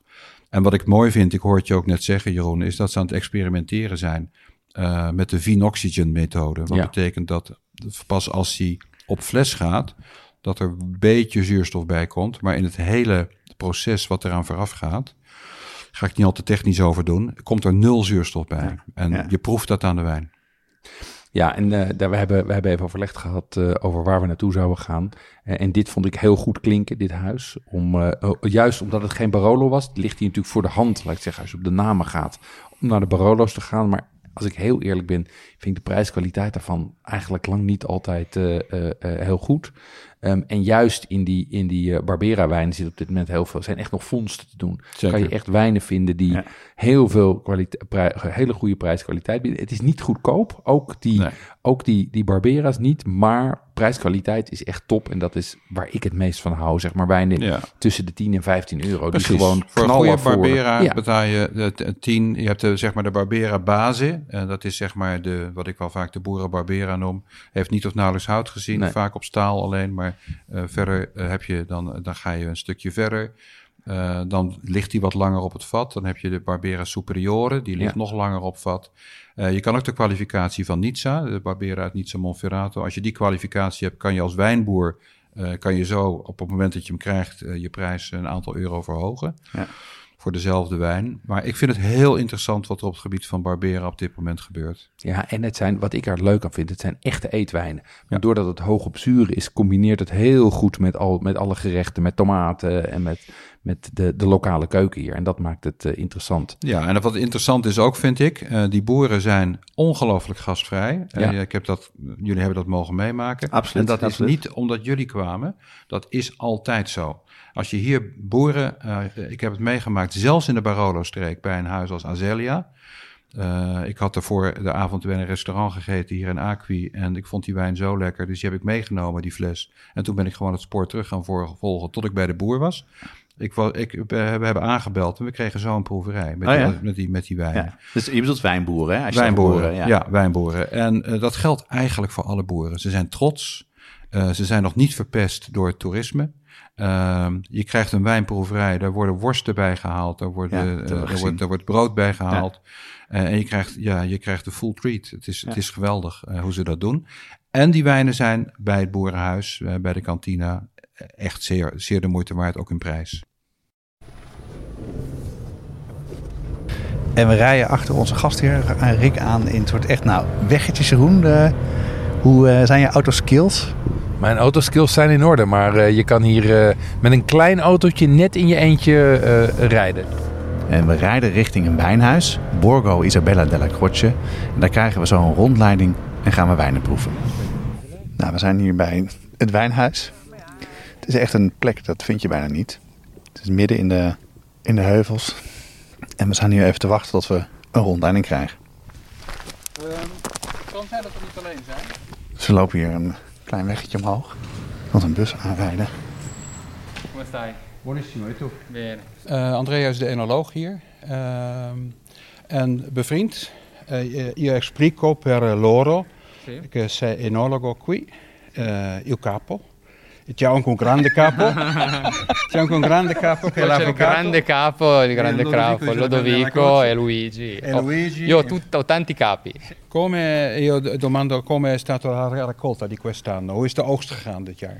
È stata buona, mm, ottima qualità, mm, Goede kwaliteit. non tanto abbondante, quindi non c'è stata una produzione molto elevata perché ha fatto molto geen caldo. grote oogst, er is niet heel veel geoogst, maar dat betekent vaak dat ze alleen de kwaliteit hebben geoogst. Però insomma siamo, siamo soddisfatti. Ze zijn eh, tevreden over de oogst van dit jaar. Je komt met glazen. Ja, tuurlijk. Hij wil ons eh, zijn Riesling, Riesling laten proeven, laten ja, dat proeven uit het vat. Oh, leuk. Van buiten lopen we naar binnen. En we zitten hier een enorme tank staan waar alle wijn zitten. En we krijgen nu de Riesling te proeven direct uit het vat. Dit is gewoon ehm, eh, dat hij ons dus wil laten proeven hoe de evolutie van een Riesling gaat eh, vanaf eh, zeg maar het vat waar het nu in zit, het hele grote vat, eh, in die Vinoxygen, eh, naar uiteindelijk de fles. Dus je zit nu zeg maar halverwege, maar je proeft, als je goed kan proeven, proef je hoe die gaat worden. Ja, dat is het, het vak van de, van de enoloog. Assaggia? Zie? We staan inmiddels in de ruimte waar de wijn wordt gemaakt. Er staan grote eh, RWS-vaten. Ehm, en eh, daar staat de nou, wijnen, die, eh, de druiven die eerder, de, eerder vorige maand zijn geoogst. ehm, die staan erin te fermenteren. fermenteren. Dat is de alcoholische fermentatie. Ehm, dat gebeurt hier bij hele lage temperaturen. Ik zie dat het hier eh 0, 1, 2, 3 graden is. Dus dat is echt het laatste stukje van de fermentatie. Ja, en het ziet eruit als een, eh, als een, eh, een, een wijnmakerij in eh, proces. Dus overal slangen, de vaten waarin de druiven hebben gezeten. En waar hier natuurlijk vooral de aandacht naar uitgaat, is hun zelfontwikkelde methode, de Phenoxygen. Waarin de eerste fermentatie plaatsvindt zonder zuurstof. Dus dat is een vat wat zo is afgesloten dat er, dat er alleen maar wijn in zit. En geen zuurstof. En de zuurstof er dus eigenlijk pas in de fles bij komt.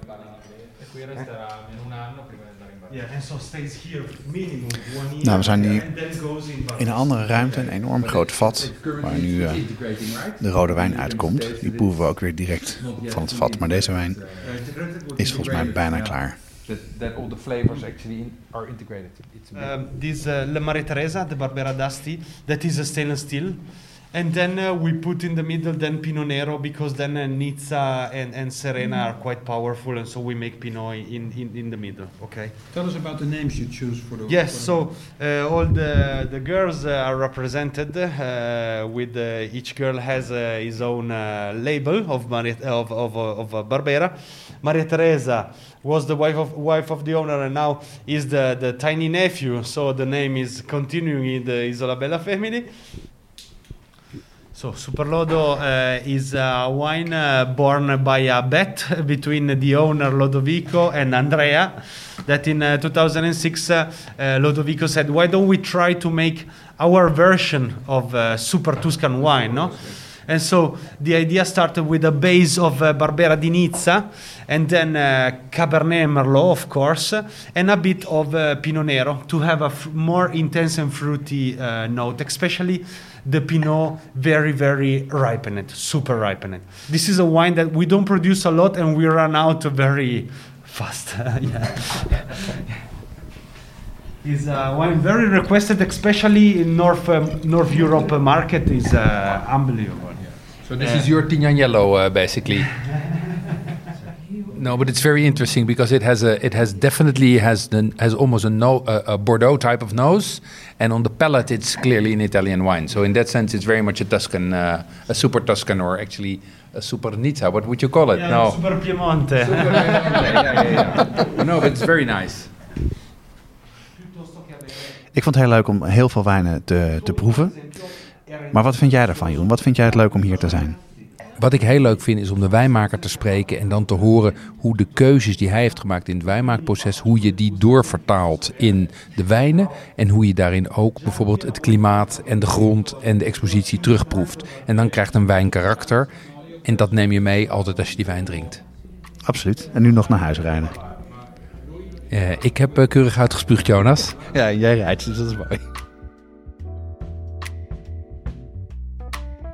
Ja, en ook een recept wat, eh, waar je een goede, een goede wijn bij kan drinken is een eh, lekkere risotto. Eh, voor de vaste luisteraars weten het waarschijnlijk. We hebben daar een hele aflevering over opgenomen, over risotto en hoe je die maakt. Die zou ik zeker even terug gaan luisteren. En daar hadden we eigenlijk als soort van voorschot genomen ons bezoek naar jou, Rick. Maar dat was een jaar geleden en toen gebeurde er iets met een virus. Daar dronken we een Barolo bij en zeiden we, die, ga, dat, die past goed bij, die, bij, die, bij dat gerecht. Het recept daarvan zullen we ook even in de show notes noemen, zodat je ook de dingen die hier uit de streek komen, namelijk de carnaroli rijst die hier in de Po-vlakte verbouwd wordt, eekhoorntjesbrood wat hier uit de heuvels komt en anchovies wat dan net de, de, de bergen overkomt om van de Middellandse Zee deze kant op te komen. Ja. Kan je een heerlijke pasta, een heerlijke risotto mee maken.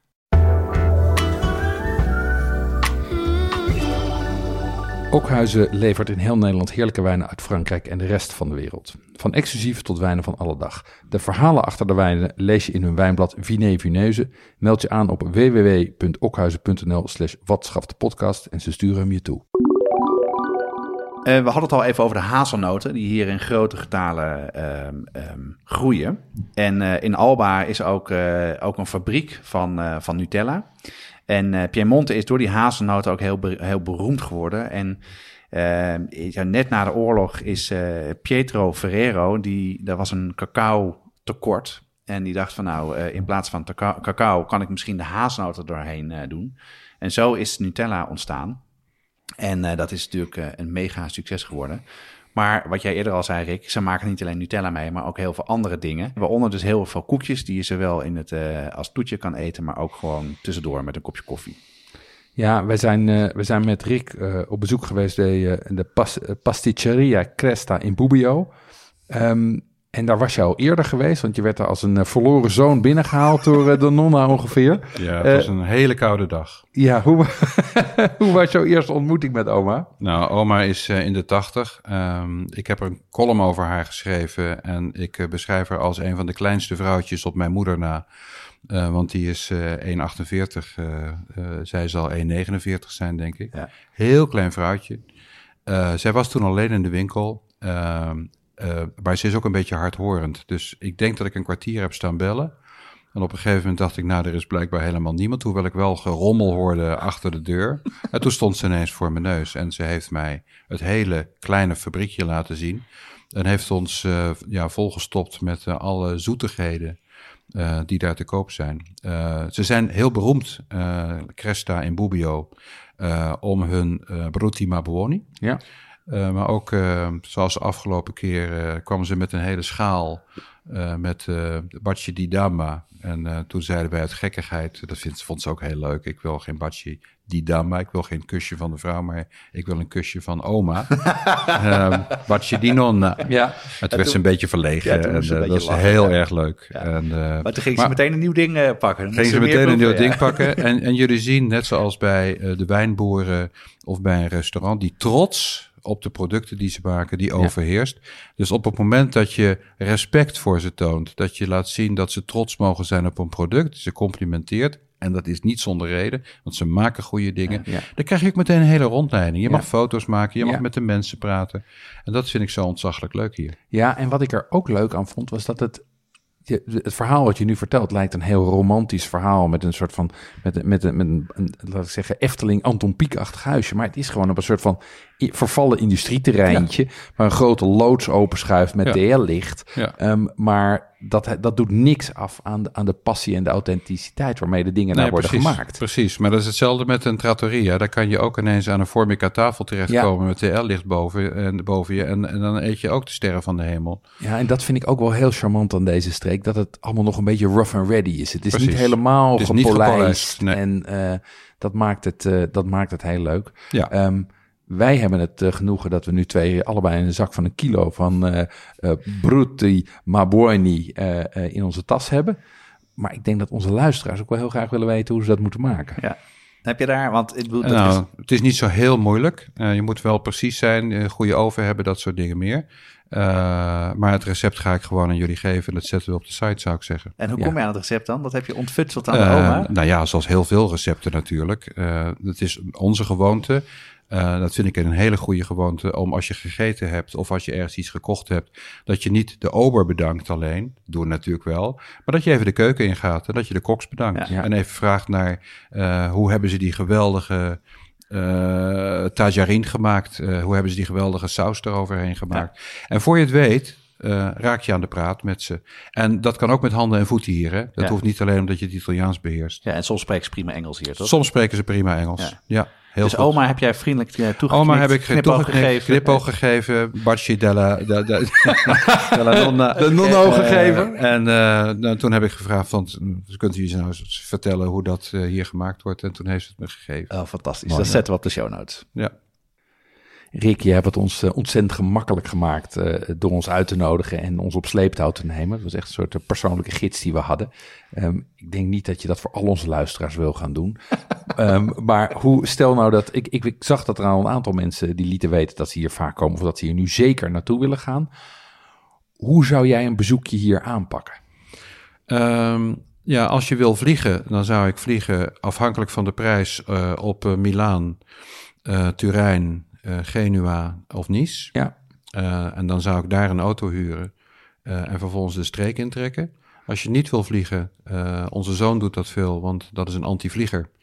Eh, dan ga je met de trein vanuit eh, Amsterdam eh, naar Milaan en dan huur je daar een autootje. Of je gaat in het openbaar vervoer, wat hier best redelijk geregeld is. Ehm, er zijn goede vrienden van me die hier naartoe fietsen. Dan ben je wat langer bezig. Ja. Ehm, Zo. Dus dat, dat kan. Kan je die Eh, boter er ook weer aftrappen op de terugweg? En de pasta's. Ehm, en, en, op die manier, en als je hier dan eenmaal bent, dan, dan zou ik zeggen, kijk even goed naar jezelf wat je leuk vindt. Je kan zeggen, ik ben een stedenmens. Ja. Nou, dan ga je naar een van de best verborgen geheimen van, van Italië. Dat is de eerste hoofdstad ook van Italië. En eh, dat is Turijn. Topstad. Wat een topstad is Echt dat. een topstad. Ja. Met eh, het geweldige musea. Onder andere het Egyptisch Museum, wat wereldberoemd is. Een filmmuseum. Je kan er naar de. Hè, dat is die supermarkt met lokale producten allemaal. Je kan, naar de Slow Food eh, Fair. Je kan er naar de Slow Food Fair. Je kan gewoon heerlijk door die stad. Het is, je kan ook zien, ook aan de bouw van die stad. Ehm, als je naar het filmmuseum gaat, dan kan je helemaal naar de top. Hele, oorspronkelijk bedoeld als synagoge. Ja. Eh, daar hebben ze later van afgezien. Dan kan je naar de top, kan je over de hele stad uitkijken. En als je dan naar het stratenplan kijkt, kan je meteen zien dat is een koningsstad, want die straten zijn allemaal recht. Ja. Mooi uitzicht op de Eh, berg die, je- prachtig, die je daar Prachtig hebt. uitzicht op de bergen daarachter. Eh, nou ja, ooit de Olympische Spelen, Ja, eh, ja. winterspelen, niet voor niks daar. Ik herinner me toen nog dat Mart Smeets eh, eh, zei, wat is dit een wonderschone stad. Ja. Was ik hier maar eerder naartoe gegaan. Ja. Dus dat kan je doen. Eh, je kan een van de andere steden bekijken, wat kleiner, zoals Asti, Cuneo, eh, Alba. Eh, nu met de Truffle Fair, eh, oftewel de, de Mercato dei Tartufi. ja, dat is vanaf begin Ja, vanaf begin oktober tot Begin half oktober. december. Ja. Hè? Na, na half december dan gaat de sneeuw vallen, wordt het allemaal wat lastiger. En als je een plattelands voorliefde hebt, ja, er zijn geweldige hikes te maken hier. Je kan Ja. heerlijk wandelen, je kan heerlijk fietsen. Eh, mijn, mijn advies is wel, eh kijken of je eentje een fiets kan huren met een elektrische voortstuwing. Ja, of goed getrainde Of wielrenners. goed getrainde wielrenners, Ja. die kunnen hier echt aan het trekken komen. Of hu- huur een scootertje.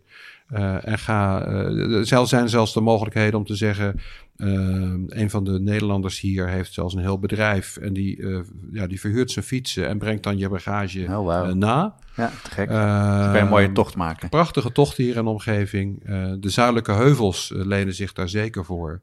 Maar ik ben ook wel met mijn zoon vanaf Bardonecchia, helemaal in het noorden, met de scooters via Cuneo hier naartoe komen scooteren. Ja. En dat zijn ook prachtige tochten.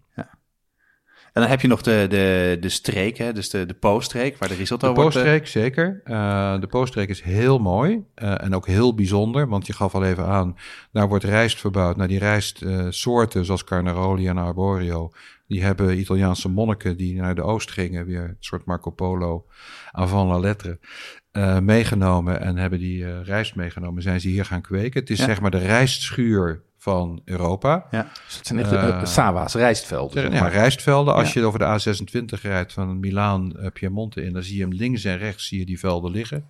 Dat is ongelooflijk mooi gezicht. Dus je ziet ze ook helemaal verkleuren. Vercelli is daar het hart. Eh Florine Boucher heeft daar een geweldig boek over Ja, geschreven. Tutti Tutto, Ris- Tutto Risotto. Ja, ja. Jullie hebben daar een prachtige podcast van gemaakt. Dus ik zou zeker, als je daar bent, zou ik van de snelweg afgaan. En zou ik eh, in de buurt van Vercelli zou ik eh, eens een keer een heerlijk bord risotto gaan, eh, gaan Lekker eten. zo, zondagmiddag. Ja. En dan eh, later vlug terug. En dan Later volle vlug buik terug. in het vliegtuig. eh, absoluut mooi. vliegtuig. En als Ja. je van skiën houdt, dat hebben wij hier ook ontdekt, rond Cuneo in de Prato Nevoso bijvoorbeeld, heb je van die kleine skigebieden. Je komt er bijna geen buitenlander tegen. Het is heerlijk skiën. Ja, niet zo fenomenaal mooi als in de Alpen met enorme berghellingen, maar je kan er echt gewoon heerlijk skiën. En genieten lekker eten. Lekker eten tussen, tussen het skiën door. Dat, dat is het heerlijke, daar verheug ik Ja. me altijd al op. Hè? Ja. Eh, skiën, maar ik verheug me vooral op het bord dampende pasta. Ja, en een kopje koffie. Ja. Hey Rick, jij hebt eh, eh, niet voor niets weet je zoveel van de streek. Los van het feit dat je hier, eh, hier regelmatig komt en, eh, en af en toe woont. Maar je hebt ook eh, verschillende gidsen geschreven. Ja. Ehm, welke zijn dat? Eh, Geheimen van Piemonte, dat is de eerste gids. Ja. Eh, dat is zeg maar de samenbundeling van eh, mijn columns onder de naam Piemontini in Italië Magazine in de tijd. Puur Piemonte, ook een gids, maar die twee zijn uitverkocht. Ja. En tot mijn grote geluk een aantal drukken beleefd. En nu de laatste gids, eh, die gaat nu naar zijn tweede druk, of is al in zijn tweede druk. Dat is Piemonte, reizen door een betoverend landschap. En is gewoon bij de boekhandel, bij een bol eh, te koop. Ja, en daarin lees je dus jouw zoektocht door deze streek Ja. met, eh, met leuke ja, eh, gesprekken die je hebt gehad met restaurants, met tips. Dus als je die streek wil bezoeken, is dat een heel goed boekje Ja. om je te oriënteren op wat je allemaal kan doen. Het, het, is, het, het zijn waarnemingen van mij lopend door dit platteland. Interviews met de mensen die hier wonen. Maar om het de mensen die het bezoeken wat makkelijker te maken, zijn er zeg maar tips voor de beste markten, de beste restaurants en de beste wijnboeren. Volgens mij. Nou, dat zijn goede tips. Dat hebben wij deze paar dagen fantastisch meegemaakt. Eh, je hebt ook drie boeken die je wil weggeven aan de brigadeleden. Vind ik heel leuk. En dan verloten we die om drie van jouw boekjes. eh, voor de mensen die graag naar Piemonte binnenkort willen gaan. En dat kunnen we iedereen zeer aanraden. En op de site eh, gaan we ook een column van jou plaatsen. Een soort voorbeeld van, van wat in die boekjes staat over de, de dingen die je meemaakt. Dan heb je een beetje een voorproefje over wat je in die boeken kan verwachten. Dus ik, eh, iedereen die hier naartoe wil, koop het boek of meld je even aan eh, voor eh, de loting. Rick en Connie, die eh, even de honden aan het uitlaten is. Ontzettend bedankt voor jullie gastvrijheid en rondleiding door deze fantastische streek. Eh, het was ontzettend mooi en culinair interessant. Graag we hebben gedaan. echt, ik heb echt het gevoel dat we de streek hebben leren kennen. Ehm, eh, door hoe jij de streek kent, door hoe jullie de streek kennen. En ook natuurlijk door eh, het fantastische eten wat, eh, wat we in de restaurants krijgen. Maar wat we hier ook van jullie hebben gehad. Heel veel terug, dank daarvoor. Ja, dat ben ik vast voornemens. En ik denk dat ik dan ook mijn familie moet meenemen. Want als die de podcast hebben geluisterd, dan blijven die de volgende keer niet meer thuis. Ja, en de spulletjes die we mee in het, het vliegtuig innemen. Rick, ontzettend bedankt. En, en Connie ook. Heel graag gedaan. Elke twee weken op donderdag staat er een nieuwe aflevering klaar. Meld je op de site aan voor onze nieuwsbrief. Zodra een aflevering live staat, ontvang je een e-mail met alle recepten en andere leuke informatie. Deze podcast wordt gemaakt door Jeroen Doezet en Jonas Nouwen. Het team bestaat verder uit Corianne Straathof, Annie Tasselaar, Paul Veldkamp, Cato van Paddenburg en Jesse Burkunk. De mooie muziek is gecomponeerd door Nico Brandsen en Ton Dijksman en uitgevoerd door Mel en Vintage Future. Reacties kan je sturen naar uh, jeroen.watschaftepodcast.nl of jonas.watschaftepodcast.nl of je stuurt een DM via een van onze socials. Tot de volgende keer. Tot de volgende keer.